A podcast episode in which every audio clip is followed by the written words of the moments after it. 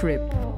Hallo allemaal en welkom bij Roadtrip, de podcast op de digitale snelweg van Autofans, waarbij we elke twee weken een afrit nemen om te gaan sightseeën in het automobiele landschap.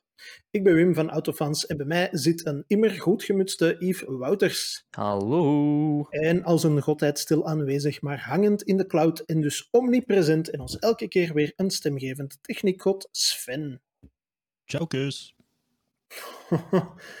Sven neemt al meteen afscheid van ons, heb ik het gevoel. Dag en bedankt, Sven. Nieuw zwart Voilà. scherm. Effectief, Sven is in de cloud verdwenen. Zeg. Kijk eens aan. Yves, wij gingen het vandaag over iets bijzonders hebben. Hè? Jij had een, eh, een uitge, uitgerekend idee. Een uitgerekend is helemaal niet wat ik wou zeggen, maar een uitstekend idee, om eh, het deze podcast over te hebben. Wim, ik weet dat het middag is en dat je net je bokens hebt gegeten, dus dat je hersenen even op zo'n eh, heel veel energie aan het geven zijn aan het verwerken van de boterhammen met eh, schokken. Hè? Wat zou Wim eten? Preparé, maar dan eh, misschien momenteel niet meer. Dus De, de Zo. William Meerschout weet dat. Quatta Oei. puur. Want je moet mij nog altijd een pot quatta puur. Dus William, als je luistert...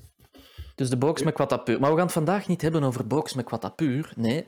Ehm, we hebben laatst een gesprek gehad met iemand dat Mhm. ehm, ook gaat verschijnen als podcast. Ik denk Ja, na deze podcast, wel- dankzij de magie van montage en planningen. Ehm, en, en op de een of andere manier is daar zo de bal beginnen rollen in mijn hoofd van misschien moeten we eens een aflevering houden Mhm. om onze geboortejaren eh, vrij te geven voor de mensen die luisteren en het dan te hebben over de auto's die toen gelanceerd zijn. Ehm, Ja. Ik wil daar meteen bij zeggen dat ik nog liever een hele aflevering zou willen wijden aan het jaartal 96. Want dat is gewoon simpelweg het beste jaar dat onze wereld ooit heeft gezien. In muziek, eh, film, in game en in autogeschiedenis. dus dat is een Nu, jaar. nu dat gaan we wel een paar namen moeten noemen, Yves. Over... Het, het gaat hier normaal over auto's, maar nu gaat het toch ook muziek, films en games moeten noemen uit Maar dat, 1996. dat kunnen we misschien eens voor een andere aflevering houden. Het- je moet maar eens opletten, als je door het jaartal 96 gaat, kun je alleen maar hebben van, Mhm. ah ja, wauw, mhm, mhm. Al, al het goed komt. Ik denk dat zelfs de, de, ehm, de PlayStation en Crash Bandicoot is in Europa gelanceerd in 96. Dus dat is Ja, voor mij al reden genoeg. 1995? Nee, in Europa 96. Maar Wim, we gingen het niet hebben over het wonderjaar 96. Volgens mij is de Titanic ook van 96. Ehm, ja, voilà, topfilm. We gaan het hebben over onze geboortejaren, de auto's Ja. die toen gelanceerd werden. En misschien op het einde... Ik heb precies uw podcast gekaapt. Op het geen einde enkel van... de- probleem, Yves. Ik doe het al 41 afleveringen lang, dus... eh, Op het einde van deze podcast kunnen we dan misschien besluiten dat ja, mijn, dan wel jouw geboortejaar, het beste geboortejaar was voor de autosector. Niet het beste ooit, maar ja, als je moet kiezen tussen beide jaartallen, in welk jaartal zou je toen een ongelimiteerde zak geld willen hebben, want toen hadden ze nog niet eh, een Payconic-app, om een auto of, of een autocollectie aan te kunnen leggen met de nieuwe auto's die toen uitkwamen. Dus misschien moeten we dan eerst eens zeggen, Wim, ehm, van welk mooi jaar jij bent. Wel, ik ben eh, van het jaar dat wereldberoemd is geworden door een boek van George Orwell. Daarmee, stil. wel, daarmee test ik meteen even, even uw literatuurkennis. Ja, ik ben ook nog aan het kwad bezinken. Ik wou, ik, wou een, ik wou een ander boek van hem opstomen, maar ik, ik kon er zelfs Animal niet meer op. Farm, dat is geen Ja, jaar. ik, ik kon er zelfs niet meer op. Ik wou iets zo grappig zijn en zeggen Animal Farm, maar ik kon zelfs, zelfs een titel kwam niet meer voor. Maar, dus aan Nee, ik- 1984. 84, absoluut. Ja. Ja. Oké, mooi. Mooi jaartal. Ik denk dat, ik denk dat zelfs onze techniekgod Sven grote fan is van, eh, van Orwell, maar goed. Ehm, Oké, dus wacht, 1984. 84, En absoluut. ehm, Ja, ja, ik ja. ben van het gezegende jaar 1991. Ah, oei, dan moet ik maar- Wikipedia-pagina van Cars Introduced In aanpassen naar 1991. Maar niet meer zo jong. Hè? Ehm, nu, waarom vond ik dat interessant genoeg? Omdat, ja, moesten wij nu... Allee, schijnen van 84 zijn, ik van 85, je ziet weinig nuttig. Maar er Tuurlijk, zit zo net zes Ja. jaar tussen en dat is vaak genoeg dat er toch wel wat modellenwijzigingen geweest in- zijn, faceliften net... Ja. In moderne eh, autotermen is zes jaar bijna gewoon een heel modelgeneratie. En ik denk toen zelfs nog mee... Nee, dat is niet waar. Vroeger bleef ze langer. Maar ik kan me wel inbeelden dat uw nieuw model in mijn... eh, In in 91 een facelift kreeg en dat uw facelift-modellen bij mij vervangen werden. Maar misschien Ja. moeten we gewoon meteen van start gaan. Ik wil er geen top trumps verhaal van maken. Mhm. Ehm, En je mocht kiezen, wilde jij beginnen? Zal ik beginnen? Zeg maar. Ehm, Ehm, nee, ah, wel, ik wil, ik wil gerust van start gaan, maar beginnen we met de, de gewone modellen of eh, beginnen we ineens al met kleppers? ah, wel, ik vind dat we dat voorzichtig moeten opbouwen. Dus ik ga starten, Wim, omdat je er zo moeilijk over doet. Start nu toch gewoon goed. Ehm, ik wil starten met zo een allemansvriend. Ja, Die eh, in 91 is uitgekomen en die denk ik echt een belachelijk lange levenscyclus cycli, cyclus heeft ondergaan van volgens mij eh 12 jaar, 13 jaar. Heb je dan een idee wat het is? Je hebt geen idee. ik heb geen ehm, flauw idee. Wacht, maar van de- 1991 tot... 2002, 3 volgens mij gemakkelijk. En dat is de Peugeot 106. Ah, wel, ik was aan iets Frans aan het denken. Maar... Ja, ja uiteraard. Gebaseerd op de Citroën Saxo. Of alleen gebaseerd. Dat waren vriendjes ja, van elkaar, hè, toen al. Ehm, en ik vind dat zo wel een, een allemansvriend. En volgens mij kunnen heel veel mensen die een auto nog makkelijk voor de geest halen. De Peugeot Mhm. 106 heeft heel veel mensen in de gezinnen dat wel gehad. Is ook een auto die nu is echt compleet, maar echt compleet verdwenen is van is het inderdaad. straatbeeld. Ziet je niet meer. En bij mijn weten, voor de iets jongere mensen, alhoewel die zullen ongeveer mijn leeftijd hebben, is een auto nog verschenen in ehm, Need for Speed Underground 1 en 2 in 2004. Dus toen nog was die auto nog in productie, of net voor de, voor de jongere patches racers was dat toen nog een auto om te hebben. Zo. Ehm, Mhm. ja, en ik vind dat stiekem wel een coole auto, omdat hè, de Ja. 205 was de voorganger op een rare manier. Environ. Eh, ja, dat kan ik volgen, absoluut. ja, Vooral En- ook omdat, en ik denk dat dat geen is wat dat ons allebei altijd aanspreekt in auto's, dat is klein, dat weegt niks, dus je hebt daar ook helemaal geen straffe motor voor nodig. En dat was bij Nee. de Peugeot 205 zo, en Ja. dat is bij de Peugeot 106 even goed. Hè. ja wel. En, en, en het, het hallucinante vind ik is, bij mij weten is er nooit een 106 GTI geweest of zo. Nee, maar wel een ding, hè? Zo'n Een rally. Ja, Ja. ja. en Ja. Dat, dat is allee, geweldig karken. Mhm. Ehm, maar ja, dat is, dat is zo'n auto. Allee, ik, ik wou starten met zo het modale model dat in mijn levensjaar gestart is. Zo'n Peugeot 106. Dat vind ik nu zoiets een auto om fier op te zijn. Dat dat in hetzelfde jaar geboren is als mezelf. Ah, wel, Nou. ik vind dat een hele mooie om mee te beginnen. Ehm, als we het over allemans vrienden hebben, mhm. Ehm, dan denk ik dat er niks meer met beide voeten op de grond staat, als in voor het hele volk bedoeld. Want het hele volk is in de filosofie van die auto gewoon ook evenwaardig en iedereen is gelijk. De Lada Samara. Ik dacht dat jij een, heel, een hele naloop aan doen was naar een Volkswagen. Nee, Eh, eh, het is- spectaculairste dat ik over Volkswagen kan zeggen volgens Wikipedia is blijkbaar de Jetta. ah ja. Dus op basis van de Golf 2, denk ik. Ehm, dus de, Maar de Gert? Verhoeven Jetta. Ja, ja, maar een, Lada Samara. Ah, wel, ik ga u Waarom? zeggen waarom. Er hangt natuurlijk, zoals bij elke Lada, weer een, een, nostalgisch verhaal aan vast. Dat was altijd, iedereen weet dat ondertussen al, maar wij hadden thuis een Lada vroeger, de 21.5, zo de hoekige, typische Lada zoals een kind een auto tekent. Ehm, en als die Mhm. op, eh, op onderhoud moest, want ook Lada's moesten ooit op onderhoud, eh, die konden wel 30 jaar blijven rijden op, eh, op mest en andere dingen, maar soms moesten die op onderhoud. Eh, en er was eens een vervangwagen nodig en dan kregen wij van onze garage altijd een Lada Samara mee. En dat was een hatchback, een driedeurs. Ik weet niet of dat er ooit ook een vijfdeurs van was. Vermoedelijk wel. Ehm, en dat sprak zo als, als vijf, zesjarig manneke wel tot mijn verbeelding, want dat was een hatchback en dat zag er veel sportiever uit. En dat is zoiets van, Oh, dat slaagt op niks, want ja, dat, allee, als, als vijf, zesjarige weten heel weinig van auto's. Je kunt misschien zo wel wat merken opnoemen en dingen herkennen, maar ik vond dat iets heel cool. En ik ga er nog één ding bovenop doen. Als ik mij niet vergis, en ik denk dat Ivan Kneuts mij daarop kan verbeteren als het eh, zo moest zijn, maar dat daar zelfs een soort sportversie van bestond op den duur, de Carlota.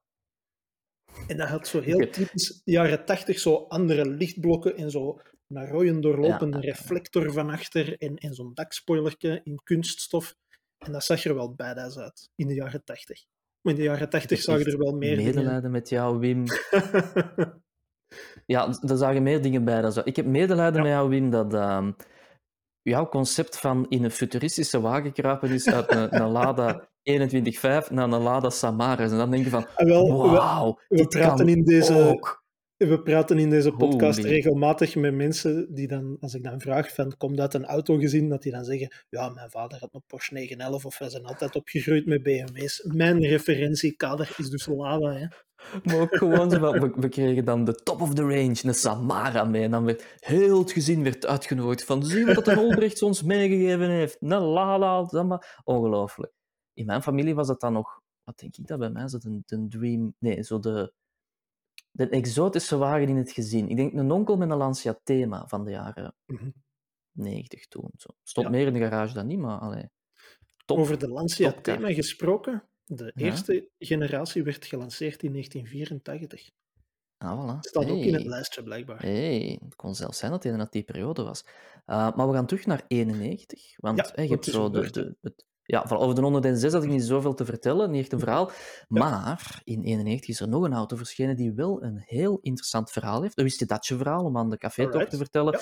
Als je vrienden hebt, als je überhaupt over Audi vertelt, En ik dacht, dat Ehm, ging zeggen, als je überhaupt vrienden hebt. ook. Uh, maar Mhm. meestal als je Audi, een Audi hebt, hebt je geen... Nee, wacht, opgeletief, opgeletief, opgeletief. Nee, ik wil het hebben over... En ik ben de hele tijd zo van die dingetjes aan het draaien. Ik kan stoppen. Ik wil het hebben over de Audi S4. De Oer S4. Want iedereen heeft het altijd over de Audi Quattro en de Oer Quattro. Maar de Mhm. Audi S4, de Oer S4, is eigenlijk een hele interessante auto. En heb je een idee waarom, Wim? Eh, omdat dat, ik wou zeggen, het eerste S-model was, maar dat is helemaal niet waar, want dat was een S2 waarschijnlijk. Hè? Uh, zelfs daar kunnen we over discussiëren. Maar het interessante was dat de Audi S4 um, gebaseerd was op de Audi 100. Dus um, in 91 verschenen van de Audi 100 een sportmodel en het werd de Audi 100 S4. Dus in die zin is toen de S4-benaming wel gelanceerd. En toen kwam er iets heel tofs. Um, Mhm.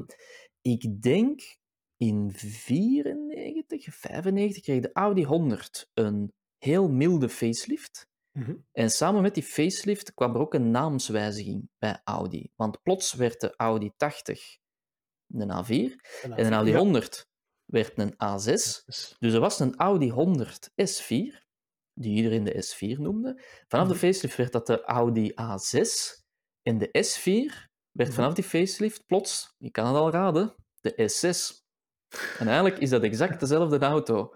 Met kleine eh, veranderingen aan, aan, ja, aan de bumpers en weet ik wat. Ja. Maar dus eigenlijk is er ooit een periode geweest dat een S4 plots een S6 werd, maar dezelfde. Allee, dat kunnen we nu gewoon niet meer en inbeelden. Hè? je, Maar... je zou dus eigenlijk ook kunnen zeggen dat Audi, in tegenstelling tot vandaag, waarbij dat ze een 2.0 TDI ineens een, een 50 TDI noemen, ooit hun auto's understaten door een S6 en een S4 te noemen. Voilà, voilà. Maar dat is, ik vind dat zo'n geweldig verhaal. Dat, dat, nu lijkt dat zo logisch dat hè, de, S4 is gebaseerd op de A4. Ja. Maar toen, in, allee, nu, we hebben nu zo dat moment dat, dat alle Audi, elektrische Audi-modellen zo'n beetje... Wat is dat, jong? De e-tron, de e-tron GT, de, de Q4 e-tron, er komt een Q6 e-tron, er is een, god weet ik nog wat, e-tron Sportback. Al die namen flapperen wat door elkaar en dan denk je van, hoe kan dat nu? Na zoveel jaar, dat je nog altijd geen logische namen kunt. En dan gaat naar de jaren 90 en dan denk je, juist hetzelfde. Een Audi 100, sportmodel is een S4, een Audi 100 wordt een, een A6. Plots zeggen die Duitsers, maar dat kunnen we dan toch niet meer S4 noemen, want er is ook een A4 en dat wil een sportmodel. Dus we noemen dat gewoon de S6. We doen maar wat. Op, pff, wat maakt het uit? En, en waarvoor stond die S4 dan op die 100? Sportlich. Sportlich Nee, Audi- vier, Audi Sport. antrieb of Audi, zo. Audi Sport, maar ik weet eigenlijk niet, misschien die 4 ook voor de Quattro-aandrijving, de link. Ik Ja, weet eigenlijk niet dat dat ooit een specifieke naam heeft gekregen. Ehm, dat is een heel interessante vraag, daar overval je me een beetje van. Ehm, Yves, ik had wel een betere voorbereiding gehoopt. hè. Ja, ik, was, ik wou nog één ding zeggen, maar ik weet het niet exact. Ik weet wel dat de Audi 100 op het C4-platform stond. Maar is dat nu de reden om dat S4 te noemen? Die, die S zal sowieso dan wel voor sportlich hebben gestaan. Hè? Ja. Ja, maar eigenlijk, ik kan me niet inbe... Misschien moeten we dat eens aan Audi zelf vragen. Maar dan kun je Jawel. zo'n video opnemen met een of andere Duitser die dat, dat voor ons uitlegt in, in drie minuten, zo, met humor. Met Dat een, met een mooie Duits accent in zijn Engels, liefst. Ja, ja. Ehm, ofwel moeten gewoon de luisteraars die dit horen het ons even laten weten. Ja, inderdaad. die S4 oorspronkelijk stond. Wa waarvoor staat de S eigenlijk van alle S-modellen van Audi? Of, of zeker oorspronkelijke de 100 S4? inderdaad. Ja, ja. Ja, want waarom is er ineens ook de S2 S2 geweest. Van waar komt dat verhaal van die S? Want, want dat was een 80 Avant dan zeker, hè? Die S2. Was dat niet, of, of ben ik... Nee, nu, dat was een RS2. Ik ben zo doorheen aan het slagen. Ja, maar is er ooit een S2 geweest? Ehm, Ja, hè, want dat was gebaseerd op de was dat 80 geen coupé. Ja, voilà, Ja. inderdaad. Het wordt Moeilijk. We hebben ons Ik- aan iets vind- waar we duidelijk niet alles over Ik vind het straf dat ik de laatste tien jaar al zit te vloeken op Audi's naamgeving. Dat wordt, maar eigenlijk, eigenlijk zijn ze het al 30 jaar gewoon aan het doen. Dat hebben Het we besloten. het is nooit rechtlijnig geweest. Het Voilà. is altijd zo geweest. Breng ons snel terug naar de jaren 80, toen alles nog kon en normaal was. Voilà. De, de schoonste periode Ja. eh, van de geschiedenis. Zwat, eh, ik heb uw kritiek op mijn Lada even ter harte genomen en een, een andere, een, een Franse allemansvriend bovengehaald. Espas. Want in 1984 werd inderdaad voor het eerst gelanceerd de Renault Espace. Oh, wilde ook, wilde ook. en, en de allereerste ook. Hè. Dus zo bangelijk two-tone, zo onderaan eh, gekleurd staal waarschijnlijk, of zo beton of zoiets, wat dat toen nog gebruikt werd. En dan bovenaan die, die zwarte kunststof en zo, een heel Mm. hoekig design. Dus eh, Vooral heel Ja. futuristisch, de eerste Tuurlijk, generatie. dat echt, ziet je ook totaal niet meer rijden, zijn ook allemaal Nee. stuk. mag ook Ehm, nergens meer binnen waarschijnlijk. Nee, dat is ook waar. Uh, maar Ja. allee, wel een hele futuristische auto. Ik heb zelfs, toen ik jong was, die al niet meer op de baan gezien. Ik vind het ook heel snel verdwenen waren. Zoals dat wel vaker gebeurt met Franse auto's. Want zie jij ooit nog een Megane rijden met dat poepje? Heel zelden. Dat is niet zo'n oude auto aan zich, hè? dat begint weer en zie je Nee. gewoon niet meer. Maar een Espace, was, dat, ja. was dat een van de, zo de, de grondleggers, de Renault Espace? Voor zo het monovolume? Dat ging, al, ah, wel, dat ging altijd gelijk op met de Chrysler Voyager. Zo Ja, de, oké, de maar- allereerste Voyager, want in de VS was dat zogezegd dan de eerste, maar in Europa was de Renault Espace er als eerste bij. Ehm, maar ik weet nu ook niet of dat, dat verhaal van die twee auto's in zekere zin ook zo wat in elkaar verweven is. Hmm. Omdat er Ah, ja, denk ja, ik ja, wel een link tussen die merken bestond op een of Want andere manier. Chrysler, Chrysler was ehm, toch het moederbedrijf van Citroën toen? Nee. Van Ja, Renault. toch? Nee. Eh, van Renault, sorry, ja. Ehm, of hoe zat dat nu weer? Dat We was zijn, we zijn duidelijk met dingen bezig waar we het verder niet van weten. Nochtans zou jij dat moeten weten. Maar we kunnen wel besluiten, allee, als ik het heel moet zijn, misschien wel de coolste generatie pas dat er Eigenlijk geweest is, wel, design Eigenlijk wel. En, en sowieso ook gewoon het, het eerste model of de eerste generatie van iets wat tot, eigenlijk tot pakweg tien jaar geleden nog altijd een serieuze stempel heeft gedrukt op de auto. Hè, totdat de crossovers en de SUV's het zijn komen overnemen. Ah, ja, de, de monovolume, 100%. alleen, ik bedoel, de, de Zafira's, de, ehm, de monovolumes beginnen allemaal een beetje weg te Kom aan, tapesteren Wim, in mijn geheugen. De De Picasso's, Galaxie, de, de Galaxie. Galaxies, de Charanes, zelfs- de Alhambras, zien nu is het aan het komen. Ze. Ja, hij is vertrokken, hij is vertrokken, man. Voilà. De Ford, de Ford Max, dat was al zo'n beetje een... Een de C-Maxes, de. B-Maxes. Ja, alles Ja, wat ertussen zat, de Merivas enzovoort. Alleen dat is de begonnen bij de Renault Espace. Ja, maakt, maakt uw jaartal plots wel misschien het coolste tot nu Ah, toe. wel, ik ga denk dat ik een paar serieuze troeven in handen heb, Yves. Ik wou net zeggen, ik ga het niet doorbreken, maar ik ga toch top trumpen al. Ehm. Zal ik jou eens het verhaal vertellen van een of andere, ehm, hoe moet ik het zeggen, gele baksteen op wielen? Aan wat denk je dan spontaan? Een gele baksteen op wielen. Ja, Ehm, die potentieel ook deel heeft genomen in het, het BTCC. Gaat dat iets... Een, ik wil zeggen iets... Sorry, een Lego-blok op wielen, een tank op wielen. Een Volvo 850. Ja, tuurlijk, tuurlijk. Komt uit 91 en, allee, laten we eerlijk zijn, stiekem een van de coolste Volvo's ooit Het is ook zo de, de Volvo waar dat je aan denkt als je het over Volvo's hebt. Hè. Toch, hè. En dan hebben ze daar nog Ja. die, die, ehm, die R-versie van gemaakt. Nu, bij mij weten was dat wel pas veel later. Mhm. Maar goed, allee, als in 495. Maar gewoon een 850. Ik weet nog als wij vroeger naar de caravan gingen, want ja, we waren caravanvolk. Ehm het is eerlijk, kijk. Uh-huh. Ehm, dan, dan hadden er meerdere caravanmensen een 850. Wat dat ook logisch is als ik er nu over nadenk. Toen legde die link niet, maar Mhm. Eigenlijk hadden die gewoon een caravan met een caravan. Hè, want een 850 op zich was groot genoeg om in te wonen. Dus ja. ik heb dat altijd een hele coole auto gevonden. En ook de, ik heb de- er... Ja, een tijd geleden ben ik eens in de zoekertjes aan het, aan het kijken geweest naar een 850. Of het mocht toen, want ik denk dat de laatste modellen van die reeks, dat dat ook al V70 werd genoemd. Hè? Is dat niet? Of was dat, was ja. dat een facelift of zo? Dat Nee, klopt, klopt, klopt. Die V70 hebben, die, hebben een, die hebben een S40 gedaan. Ik denk in, in 697 is de 850 een Ja. S70 en een V70 geworden. Ah, wel. S70, kan dat? Maar ja, je wil, allee, als je daar in de zoekertjes naar aan het kijken bent, dan wil je natuurlijk ook wel een vijfcilinder en zo. En liefst iets op benzine en niet op diesel, maar die dingen die zijn ofwel niet te vinden ofwel pokkenduur. Dus ik heb Ja, die, ja, die elke, zoektocht een beetje elke opgegeven. 850, elke 850 was wel een 5 in lijn, hè? toch? Sowieso? Zat er... Ik denk dat wel. Zelfs in diesel was dat een 2,5, een 2,4, was ook een, Ah ja, 5. ja inderdaad. Je ziet- inderdaad. begin wat meer kennis te hebben. Hè? Dat het over een Lego-blok gaat, dan word. Oh, kijk daar man. Hè. Oeh, ja, ja, ja, ja. Nee, maar zo, zo'n de Volvo Break, dat is echt de archetypische Volvo Break. In, Ja, Ik vind dat nog altijd ook zo, dat lijkt mij ook een auto die dat je koopt, tweedehands misschien zelfs nu nog, om bij te houden en om 20 jaar nog te laten runnen. Ook al kunnen er over 20 jaar nergens nog mee binnen, maar zo, je Ja. hebt dat staan en je blijft dat gebruiken voor alles. Ehm, ik heb er echt al over nagedacht. Dat is zo'n auto en het, het kan nu gewoon nog niet. Hè? Ehm, maar stel dat binnenkort de ombouw naar EV Mhm. veel ehm, realistischer wordt qua Mhm. kostprijzen. Hè? Ik bedoel dat een elektromotor niet meer zo duur is. Dat er van die echt gewoon verdelers zijn van accu's. Why not?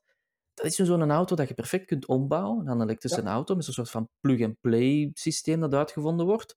mhm. Want allee, laten we eerlijk zijn, al moeten 77 kilowattuur batterij in die koffer steken, dat is, je ziet dat eigenlijk niet liggen, hè? want die is toch gigantisch. Het is niet dat je ineens dan zegt van oei, er is geen koffer niet meer aan. Dus dat is de ideale auto daarvoor. je, je kunt daar zo wel een literke in missen in die kofferruimte. Ah, wel, hè? dus Ja. iets zegt mij dat zo'n een, een 850, ik heb geen idee wat leeggewicht is, omgebouwd naar een elektrische auto. Hè, die, Mhm. die een vijfcilinder verdwijnt al, dat zal wel wat wegen. Ja, je steekt er dan wel 300, 400 kilo aan accu in, maar nogmaals, het is een 850. Hè? Ik bedoel, dat is gemaakt Ja. om veel gewicht te trekken.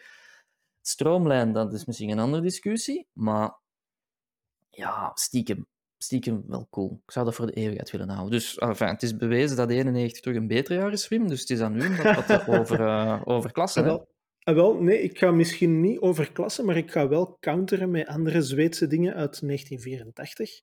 Mhm. En ik ga ze gewoon op één hoop gooien, omdat ik er te weinig eigenlijk van ken, maar ze alle twee wel behoorlijk cool zijn. Misschien de ene nog iets cooler dan de andere, dan de andere maar de Saab 90 en de Saab 9000. Nu, de 9000, dat is zo die auto die eh, eh, dezelfde fundamenten had als de Lancia Thema, waar we het er juist over hadden. Eh, een Fiat, denk ik ook. En ongetwijfeld nog iets Italiaans. Ehm, een, ik weet het eigenlijk niet. Een, een Alfa, ah, hier, Alfa Romeo 164. Ah, ja. Dus dat waren vier dezelfde auto's, basically. Maar ja, die 9000 had ook wel wat de uitstraling van een tank. Zo. Dat was zoiets heel massief van koetswerk.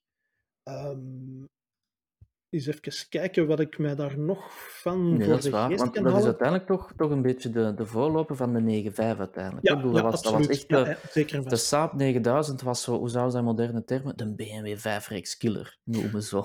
Ja, want, eh, hm. Inderdaad. En dan, ja, de Saab 90 is zo de archetypische Saab uit de jaren 80. Hè? Zo de 900, maar nog iets compacter zo. Uh, Yes. Tweedeursmodelletje ook. Zo echt de klassieke Saab, zoals dat je me voor de geest kunt halen. En ja, daar heb ik ja. zelfs ook al eens naar zitten zoeken, maar zelfs die dingen zijn astronomisch duur. Allee, in verhouding Ja? astronomisch duur. Ik verschiet er echt van. Ik weet dat we daar ooit, een, bij mij weet, ik kan gaan opzoeken, hè, een fotoshoot voor hebben gedaan. Uh, Ah, ja. Alleen een fotoshoot, zo'n, um, um, uh, zeg het eens, een vrijdag vandaag. Um, ja, ja. voor autofans. En ik vond dat, het was een, dat denk ik toch, ik ben toch zeker, hè, dat dat zo ene was. Uh, ja, ja, ja, ja. Oh, en die was zo'n beetje ge- getuned. Allee, getuned. Ja, jawel, dat was echt een vet. Dat was dus echt een vet bakje zo. Ik zou dat, dat ooit zo laten zien. Um, ja, zo de, de bumpers weggehaald en zo serieus aan, aan, aan, um, aan gewerkt. Ja, dat was echt... Ja, maar ik snap u. Ik snap u. Ja, ik snap wel. u. Ik zit mee in dat verhaal. Ja, En dat is- dat- Het, hetgeen wat dat de, de, de Volvo 850 zo misschien wat mist qua sportiviteit, dat heeft zo'n Saab wel. Hè? Zo qua... je, je kunt ja. je voorstellen dat elke Zweed of elke Fin dat in zijn tuinhuis heeft staan om in de winter op een meer mee te gaan rijden. Hè? Zo, Eigenlijk van die helle schijnwerpers nog in de bumper. van voor. Want ik weet nog, als ik erover nadenk, die eigenaar, die Gert-Jan, die had er ook zo Mhm. een, een turboblok in gestoken van de 900. en ik denk dat dat rond de 200 pk was of zo. En, allee, ja, jawel. Een, een snelle saap, hij had van voor ook zo'n rood lintje hangen, weet je wel? Uh-huh. Dat, dat, dat straalt gewoon spontaan zo rally pedigree uit. Zo van, dit is een rallyauto. Zo. Dus, ja, dat is waar. Dat is een bepaalde coolheid dat je, ja, wat andere merken niet gaan kunnen typen. Dat is waar. Voilà. Dus ja, de, de 90 ben ik, de 9000, dat vind ik nu niet zo wauw, geweldig. Ehm, nooit een mooie auto gevonden. Ik weet niet dat hij ooit iets goed heeft gedaan. Dat dat zo'n beetje de, de, de Astra van, dat, van die periode was. Zo. Gewoon een beetje, Ja. het bestond. Ik weet niet echt dat dat heel uitgesproken was, de 9000. Dus als er mensen zijn die er een hebben, daarbij zweren of dat die ooit vroeger gehad hebben, geef mij naar mijn vijs in de comments, zeker doen. Wel, maar het, ja. het, het enige wat ik me bij die auto's altijd, waar dat ik spontaan aan moet denken, is, was dat de Lancia-versie, waar dat je zo'n een, een 8.32 van had. Zo ja, met die, de- met die, die Ferrari-motor, thema. Ja, Ja, de- dat was de eerste auto met een... ehm allee, de eerste. Een van de eerste waarschijnlijk. Of toch al sinds een sedan met de uitklapbare spoiler. Ah ja, ja. En ik weet niet dat je dat ooit gezien hebt. Je moet dat maar eens opzoeken. Mhm. Dat was dus letterlijk... ehm, want ja, toen werkten de dingen nog wat anders, de mechaniek. dat was letterlijk heel de, allee, bijna heel de kofferklep die naar, eruit kwam. Dus bij mijn weten had je dus ook letterlijk... Er ging een stuk kofferklep naar boven en dat hing vast aan een ander stuk kofferklep dat eronder hing, los in de koffer. En dan werd dat onderste stuk de gewone kofferklep terug. En dat bovenste, dat was dus eigenlijk had je geen koffer niet meer. Dat was letterlijk heel dat ding dat mee naar The boven. poor, the poor man spoiler. Ja, maar ja, op zijn, op zijn Italiaans geweldig. Ja, ja, ja. Werkte, werkte waarschijnlijk ook maar vier keer. Maar ik kan me toen wel inbeelden als je een sedan had en plots ging heel die kofferding naar boven en er kwam een ander in. Allee, ja, ja. Ja. ja. Hoe, hoe ingewikkeld Porsche het heeft gemaakt met die turbo-spoilers die ze openklappen in zeven stukken, hadden ze bij Lancia gewoon het idee van als we nu gewoon twee kofferkleppen aan elkaar lassen met tussenstukjes en we laten heel dat ding naar boven naar beneden schuiven. Veel gemakkelijker, toch? Dat is, Ja. ja. dat is echt slim gezien. Hè. Topcar, topcar. Ik had eigenlijk wel zo wat meer supercars verwacht van de periode, maar... ehm, Ik, ah, ik oké, ben oké, ze je nog iets, aan je het hebt nog iets. Oké, ik oké, oké. Maar het is ik eerst aan nu, denk ik. Ja, ik wil, ik wil graag een overstap maken naar ehm, ja, een product dat mij altijd geïntrigeerd heeft. En dat is wat gek, want ik ben daar helemaal niet zo voor. En we gaan ook naar Amerika.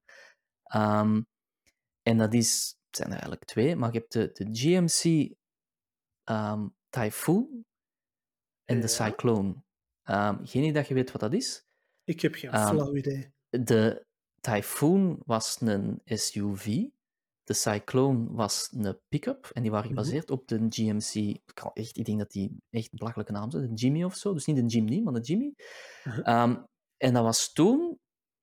Ik vind dat nu nog altijd een hele coole auto. In, in een, zeker de Cyclone, de pick-up versie, ehm, was in heel beperkte productie van 3000 stuks. En was toen heel uniek Mhm. naar Amerikaanse normen, want dat was een auto, of een auto, een pick-up, met een turbo.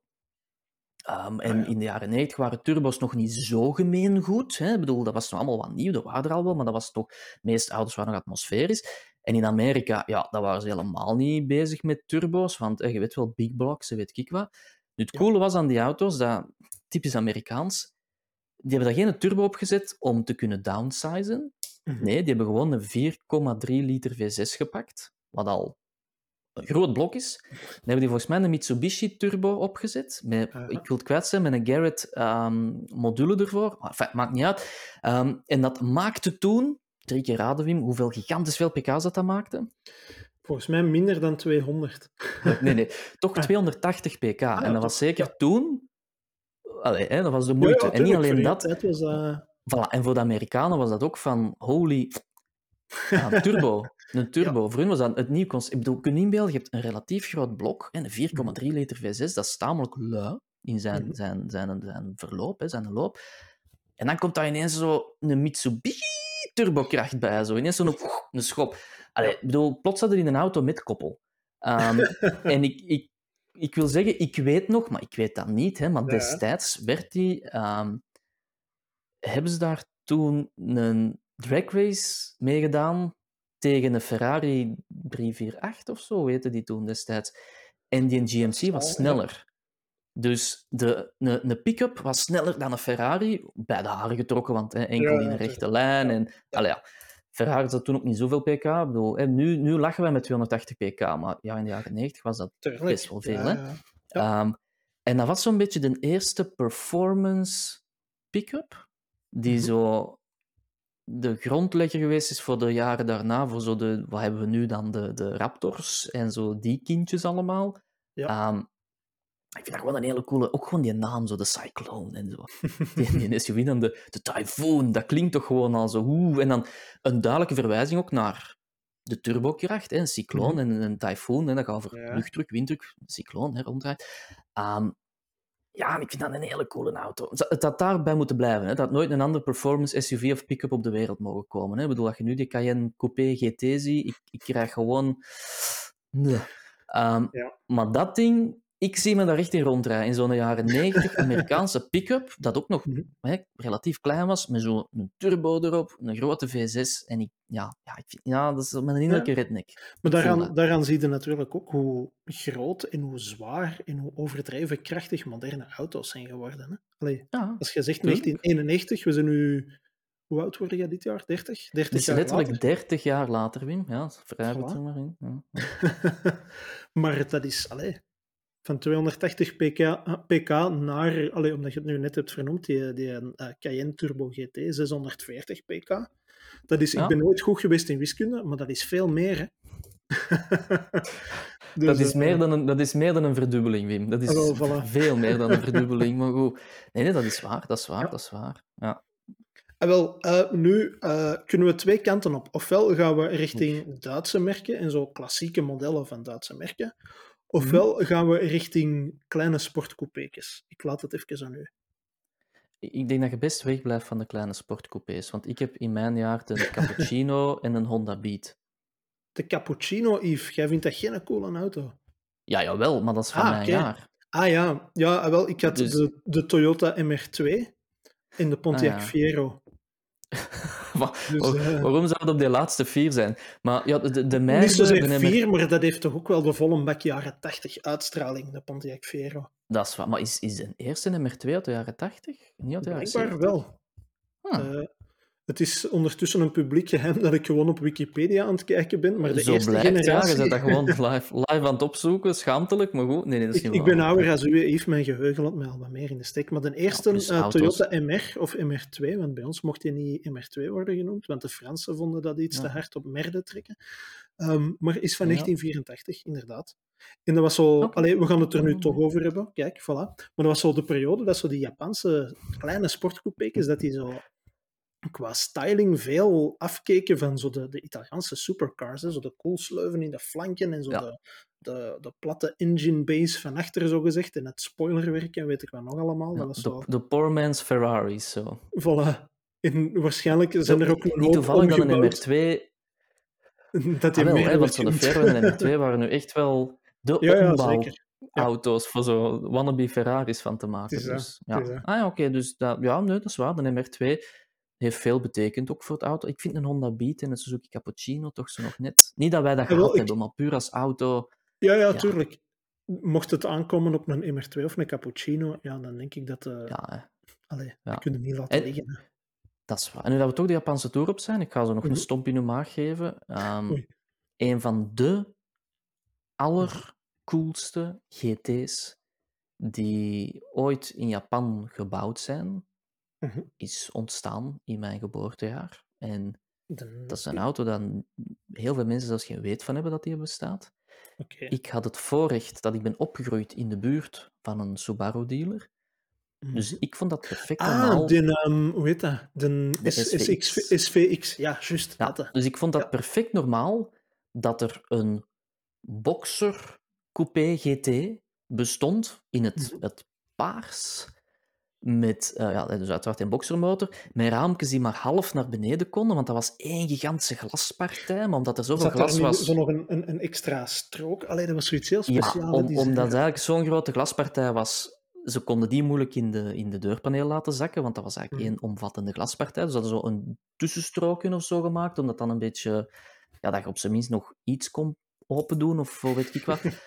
ik vond dat zo'n coole auto. Ik vind dat nog altijd een hele coole auto. En die is zo tussen alle Supra's, en wat hebben ze nog? De RX-7's van die periode, ehm, die opgehemeld zijn, Mhm.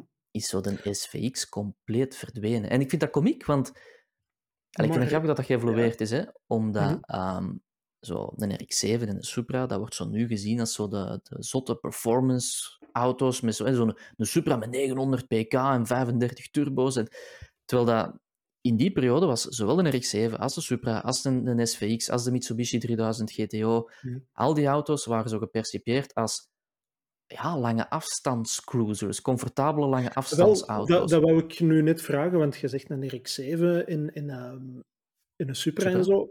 Kon zo'n SVX daarmee effectief vergeleken worden? Zat dat in dezelfde league? Of, Nee, Mij stelt dat altijd voor als inderdaad wat meer een GT, zo'n... eh, ja, want allee, had bij mij weten ook, ook vierwielaandrijving. Ik wil zelfs Mhm. zeggen achterwielsturing, ik ben niet 100% zeker. Die had van die gigantische rare toeters en bellen binnen zo. Allee, Subaru is nu nog altijd wat gek, maar toen nog Ja. drie keer Nog- zo gek. Nog gekker. Uh, ja, en ik, ik, allee, ik vind het grappig dat zo die auto's nu gezien worden als performance cars en Supra's en RX-7, terwijl dat iedereen ook zegt, eigenaars van destijds en toen. pff, Daar konden totaal niet... Allee, dat waren Ja, lange en- afstand GT's ja. gewoon. En natuurlijk En- ook een, een RX-7 of, of een Supra, die standaardvermogens, want wij denken natuurlijk altijd zo aan de Fast and the Furious modellen, maar die standaardvermogens waren niet zo kolossaal. Die blokken waren makkelijk oppupbaar, maar eh, Ja, ja, ja, en niet alleen dat, omdat de meeste mensen denken bij, bij, ehm, bij een Supra aan de 2JZ, hè, de, de, Mhm. ehm, die van 280 pk met twee turbo's dan was, en een 6 in lijn. Mhm. Dat was helemaal niet de, de standaard mo- Allee, Ik bedoel, je kon dat daarop krijgen, maar dat was echt gewoon voor de hogere uitvoering. Want had de One JZ met één turbo. Pas op, en dan ging je in, in de... Ik weet dat er altijd van die, van die zware JDM-boys zijn, die ze allemaal wel kennen. Had ehm, atmosferische Supras met Mhm. automaat. Dus ik bedoel... Ja, dat is ook logisch dat je zo alleen de zotste versie van het model onthoudt en niet al de, de simpelere, meer mondaine versies, of moet je dat zeggen, ertussen. Mhm. En in die zin ehm, kan ik me inbeelden, of voor de geest halen, dat een SVX nooit mee heeft kunnen gaan met, ehm, met die hoogste ehm, uitvoering, hè, die, die, de, de Do Jay-Z-versie, weet je wel. Mhm.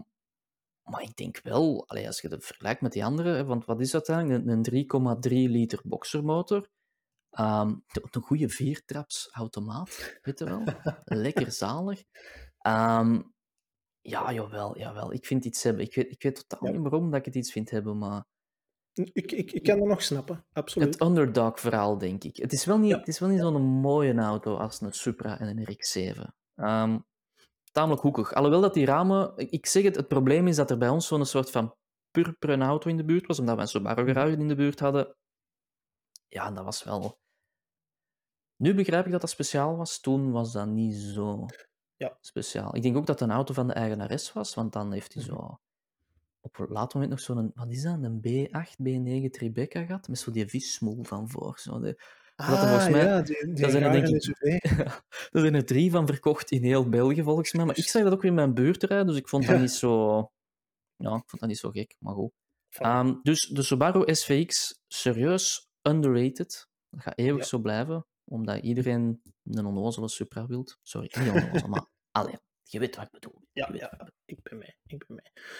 Ehm, dan, ja, zal, Het is, tijd, misschien het is toch... tijd, Wim, voor supercars. Is het tijd voor het grove Gooit hem binnen. Gooit hem Zullen binnen, we, zullen we onze, onze luisteraars dan achterlaten met de grote vraag van ja, wat waren nu die Duitse auto's waar dat we het ook over gingen hebben eigenlijk? Tuurlijk. Oké, dan laten we ze op hun honger zitten. Het grove geschut. Ik kan zelfs een dubbelslag slaan, Yves. Chips. Vertel. Ik ga beginnen met de Miami Vice auto bij uitstek. Maar niet in het wit als cabrio, maar wel in het rood met ene spiegel zo hoog gemonteerd hierboven. En is Dat- dat omdat de cabrio later gelanceerd was? Of? Als ik mij niet vergis, maar nu kan, ik, kan het zijn dat ik heel zwaar uit een bocht ga, maar is die cabrio, of, of de witte cabrio dat ik specifiek voor de geest al zelfs speciaal gebouwd voor Miami Vice? Dat Daar kan ik in mij nog vergissen. Officieel. Maar bon, Dus, dus daar mogen ze mij gerust in de, corrigeren. de, eh, je hebt het uiteraard over de California 246. Ik heb het inderdaad over de, de, de Testarossa, inderdaad. Ja, natuurlijk. Ja. Daar kun je dan eens mee Dat is, dat, is, uithalen. dat is wel een auto om moeilijk... Ja, dat is een auto waar je moeilijk over kunt gaan. Ik bedoel, ook qua, qua uiterlijk... Ja. Een van de mooiste Ferraris ooit gemaakt, wel.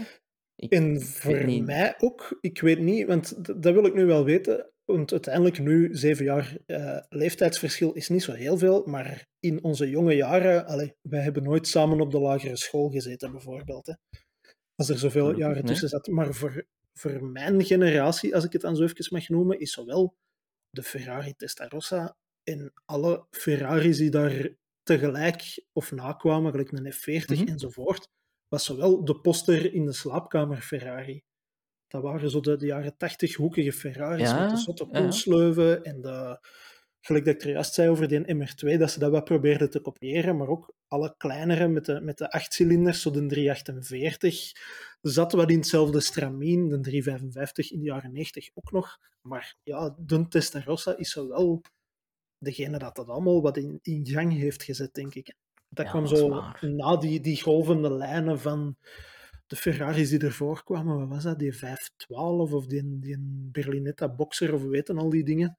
Deze was zo jaren 80 hoekig en in your face en spectaculair. En ja, ik vind dat een sterke om, om, om eh, mee uit te pakken, Eve. Ik ben Dat benieuwd wat dat jij er tegen kunt counteren. Ik denk dat, ja, ik denk dat veel mensen Testarossa wel zo het, Ja. het, het Ik moet, ik moet wel zeggen, ehm, als we, want we rekenen nu vanaf 84 en we zijn in het begin Mhm. van, ja, die generaties gingen toen heel lang mee, want ze zijn die tot dik in de jaren 90 blijven bouwen.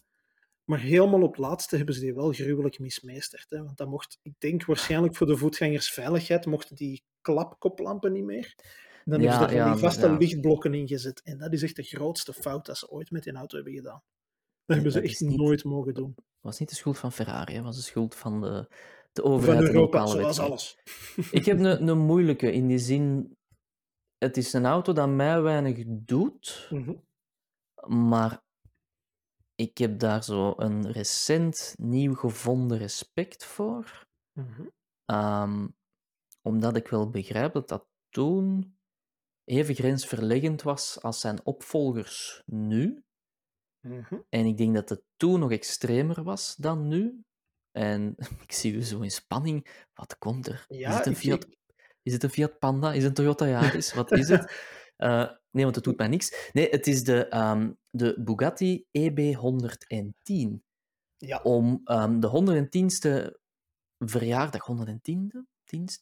Verjaardag van ehm, Ettore Bugatti te vieren. Ik denk dat hem toch Ettore heette. Ehm, Ettore. ah, was Ettore? Oef, my, my godness. Goed Ehm, voorbereid. Top. Voorbereid, los daar. Nu, ik heb daar nooit iets mee gehad. Mhm. Ik heb de precies ook zo wat gemist, wat dan niet zo gek is, want eh, Bugatti is in 96 over de kop gegaan, of over de kop gegaan, om totaal mismanagement. Uh, Mhm. Men is dan pas teruggekomen door de Volkswagen-groep met dan eh, de Veyron. Ja. En eigenlijk in mijn... ehm dus 96, ik was toen vijf jaar oud toen Bugatti failliet ging. Ja, als je Mhm. dan ouder wordt en into cars geraakt en zo'n merk... Allee, je weet dat ook, hè, nu heb je internet, Ja. maar toen had je de tv of het boekje of whatever. Bugatti bestond niet meer. Dus dat kwam niet echt in de spotlight. Ja. Ehm, maar los daarvan, als ik nu nadenk over die auto, je Mhm. moet gewoon even, mee, je moet gewoon even meedenken. Ik- hè. ik Toen volg, de Veyron volg, kwam, ja. Was dat zo de plus 1000 pk sterke supercar. En toen was dat Mhm. nog, wauw, nu zijn we daar zo, nu doet ons dat niks meer. Ik weet dat, omdat er te veel merk, te veel pk's, weet ik wat. Maar beeld u gewoon in, 91, Mhm. toen we dus spraken over ook de, de Cyclone van GMC met 280 pk. Ehm, ik denk dat toen de strafste Porsches ook rond 280, 300 pk zaten. Het zal niet zoveel zijn, meer zijn. Dat, Ja. dat was toen al veel. Mhm. Ehm, en dan kwam plots Bugatti in Italiaanse handen op de proppen met een, ehm, een 3,5 liter V12 met vier turbo's. Gewoon dat al. Dat was al... Ja. Allee, je kreeg door dat ze in Italiaanse handen waren. Ehm, eh, vind ik, hè. Met, ik denk, ehm 560 pk. En uiteindelijk in zijn eindversie plus een 600 supersport van pk. geweest, hè? Ja, dus met, met 600 plus pk. Ehm, Ja, ik kan me gewoon inbeelden dat toen 600 pk was het, hetzelfde als dat we nu met de Veyron, allee, nu met de Veyron, bij de lancering van de Veyron hadden van, oh, plus 1000 pk in een auto. Ja. Maar als het toen Want dat klopt ook wel. Hè? Als, als toen de meest performante auto's rond de 300 pk hadden, en plots hadden daar een, een V12 met vier turbo's, die naar plus 600 pk. Allee, ik kan me wel inbeelden dat dat ja, Ja. compleet van de pot gerukt moet zijn, die machine. Ja. Ehm, en ik meen me het verhaal te herinneren van een van ehm, ehm, de journalisten die wij kennen. Ik ga hem niet bij naam noemen, want ik kan zijn verhaal niet naar de letter zeggen, dus dan wordt het gevaarlijk. Zoals een goede journalist. Hè. Ehm, heeft die persoon ooit naar, destijds dan, hè, naar Bugatti geweest en dat stond zo'n EB110 en zegt, ah ja, Mhm. tof, tof, maar ik moet er toch wel wat mee kunnen rijden. En heeft hij toen gewoon een prototype mee naar huis mogen, rijden, eh, mogen nemen, naar België. Kid you not, true story.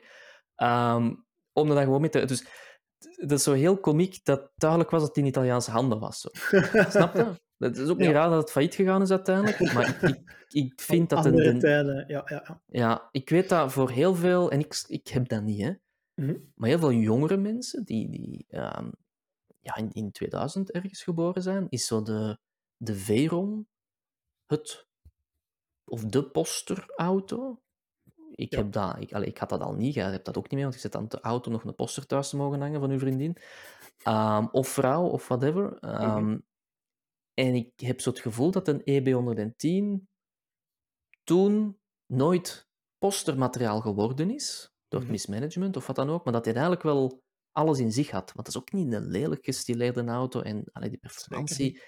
Dus ik vind dat een, een extreem coole auto ondertussen, maar ik heb al veel langer geleerd, en ben er ook heel blij om, Mhm. dat heel vaak zo die de zotste auto's daarom niet de auto's zijn die aan de muur komen te hangen. Waarmee dat ik Ja. bedoel, Mhm.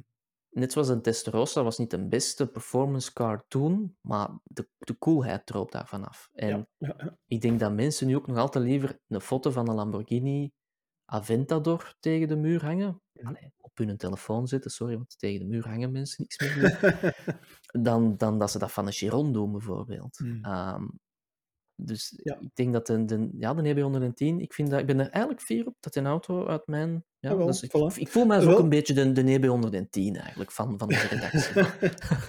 Maar dat die auto voor mij altijd wel heeft, is zo de... Ja, voor, voor mij was dat zo de tijd van de Burago schaalmodelauto's op 118. Mhm, Ik heb mhm. er vroeger heel veel gehad en die, die stond ook altijd zo mee in de catalogus. Zo in dat blauw ook effectief. Ja. In het grijs zelfs, denk ik ook nog. En dat was zo inderdaad zo, ja, de, gelijk dat je zegt, de heel spectaculaire hypercars, wat dat, dat toen wel waren. Ehm, de Jaguar XE 220 was er daar ook een van Oh, ja. die waanzinnig eh, in zijn conceptfase was, maar blijkbaar heel hard was afgezwakt tegen dat hem in productie ging. Mhm. Ehm, maar ook spectaculair van design. En ja, ik zeg het in EB110, ik kan dat altijd blijven associëren met zo'n kartonnen doosje met zo'n plastiekje voor van Burago. De, de Lamborghini Diablo is daar ook zo'n voorbeeld van. Ehm, ook typisch iets uit, allee, voor mij uit die tijd zo. Ehm, de Ferrari Ja, F40 ja, ja, ja. misschien al, F, nee, F50 was later. Hè? Maar zo die periode van supercars en hypercars, ja, daar blijft dat wel heel hard in vasthangen. Porsche 959 misschien ook nog, die was wel Hm. iets ouder, maar eh, dat waren zo de dingen die dat toen Ook uitkwamen saai in die schaal. wel, hè. Ja, dat wel, maar, Ja. maar ook wel Maar weet, weet je wat ik cool vind, Wim? Je hebt er nu, je hebt er nu vijf opgesomd, ongeveer. Mhm. En dat was het ook. Ja, en geen waren enkele geen eigenlijk 20. hetzelfde ook, hè. Allee, dat nee, waren en allemaal waren geen heel 20 andere super hypercars. Nee, inderdaad. Ja, ja, en dat is nu een beetje de, de, de dood van de supercar in mijn ogen. Dat er gewoon te veel zijn die hetzelfde concept wat doen. En Mhm. niet alleen dat, maar binnen hetzelfde merk meerdere van die super performance cars hebben staan. En dat, ja, ik vind, ja, zwart, Ja. die discussie hebben we al gevoerd. Hè. Mhm. Ehm, dus dan rest ons nog een belangrijke vraag natuurlijk. Mhm. Welk jaartal heeft ons de beste auto's gegeven? Was het nu 84 of 91? Ik ga het nog even opsommen, dus ik had de Peugeot 106, de Subaru SVX, coole Mhm. auto, de 850 van Volvo, topcar, Mhm. de GMC Cyclone, Mhm. heel cool, voor de redneck in mij. Ja. De Audi S4, dat was een leuk wist je datje gewoon, dat een S6 werd. Dat is nu Mhm. Ja. echt meteen een droomauto voor mij. Ehm, en dan ja, de Bugatti EB110. En Wim had een Lada. ik zal eh eens eh, alfabetisch door mijn lijstje scrollen. Hè. Uh, dus de Ferrari Testarossa. Um, Mhm. Wat had ik nog opgenoemd? De Lada Samara, inderdaad. Dat was niet mijn grootste troef misschien, maar qua nostalgiefactor voor mij wel persoonlijk een... uh, de Lancia Thema, ja, die heb ik samen met de Saab 9000 over één kam geschoren, gescheerd. Um, samen met de Saab 90. De Renault Espace vond ik wel een, een, een stevige troef, al zeg ik het zelf. Um, de, ja, dat, dat zullen ze zo wat geweest zijn. Ik ga wel even meegeven dat ik de oer-ethisch Corvette, die met de digitale displays en zo, en de twee dubbele ronde achterlichten, Ah, ja. dat ik die niet heb vernoemd. Ik heb ook niet vernoemd de Ferrari 288 GTO. Dat was mijn extra troef bovenop de, de Testarossa ook nog. En voor mij ook nog altijd zo'n Burago 1 op 18 auto. En welke Dutch was er nu nog bij, Wim? Uh, uh, wel, de Mercedes E-klasse, voordat hij Mercedes E-klasse werd genoemd. Zo'n hele lange limousine met van die stalen plaat, precies. Het zal ander materiaal nee. geweest zijn, maar het nee. leek altijd alsof het massief staal was, waar dat je tegen kon stampen en je eigen teen kon breken of zoiets. zo de, de beenhouwersauto met een hoefijzerke in de grill en zo. Ja, ik denk dat we vooral tot de vaststelling komen dat we moeten besluiten, waren -hmm. auto's cooler in de jaren 80 of 90? Goh, dat vind ik, en dan, ik... Ik vind dat dat heel moeilijk zelf te beantwoorden is. Ik ook, want ik vind uiteindelijk de jaren 80 in het algemeen gewoon cooler dan de jaren 90. Um, op alle vlakken, ook muziek en zo, films. En toen was alles nog wat meer politiek incorrect. En in de jaren 90 begon die movement al wat te komen.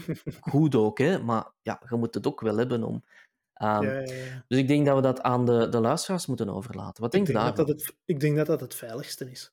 Ja, was het nu 80 of 90? Wat voilà. is nu was het, het was het nu beste 19, jaar? 1984 of Of 1991? Want we Ja. moeten er misschien ook wel bij zeggen, bij sommige van die auto's, allee, uit 1984, ik herinner me daar niks meer van. En jij waarschijnlijk nee. ook niks uit Nee. 1991. Dus Tuurlijk niet, tuurlijk niet. Dus we gaan Dus- moeten zeggen 80 of 90. Voilà. Welk, welk decennium? welk jaartal gewoon. Hè? Of ja, als je het inderdaad de jaren 80 of jaren 90 wilt hebben, inderdaad. Ja, en nog beter, eh, misschien moeten we ook zeggen van wat is de. Of alleen dat vind ik een toffe vraag om aan onze luisteraars te stellen. En laat dat in de comments weten. Mhm. Wat is de coolste auto uit uw geboortejaar? Ah Dat ja, voilà, wel absoluut. Dat wil ik ook wel weten. Voilà, en nu laat ik de podcast toch in jouw handen, Wim, om af te sluiten. Maak er iets ik- moois van. Ik, ik denk dat daar niet veel meer eh, bij moet worden afgesloten eigenlijk. Ik kan er misschien nog wel een eh, impromptu tweestrijdje tegenaan gooien, Yves. Oké. Dus, ehm, dus de tweestrijd betekent eh, een beetje kill your dar darlings. Ja. Mijn eh, L begint al heel hard te doen. We zijn er bijna vanaf, dan mogen we gaan slapen. Ben bijna gaan slapen, ja. 30 worden, hè, dan heb je middagdutjes nodig. Oh, ja. Allee, kom, kom, kill gewoon- my darling. Kan er gewoon twee uit uw lijstje pakken. De Bugatti EB110 of de Subaru SVX. Ze hebben niks met elkaar te maken, ik weet het. Maar je vond ze alle twee wel heel cool. Ja, dat, dat een van de twee nooit bestaan heeft. Of, of wat wilde. Nee, nee, gewoon één van de twee mogen overhouden. En de andere moeten gewoon SVX.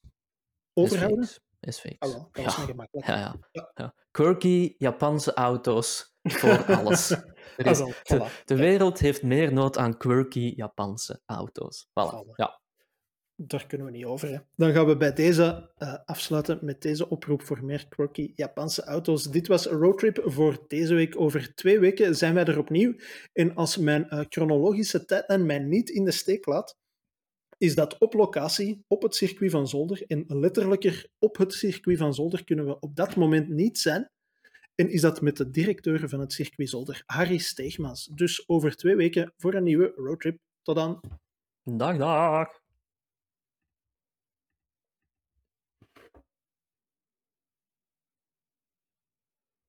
Beep, beep, beep.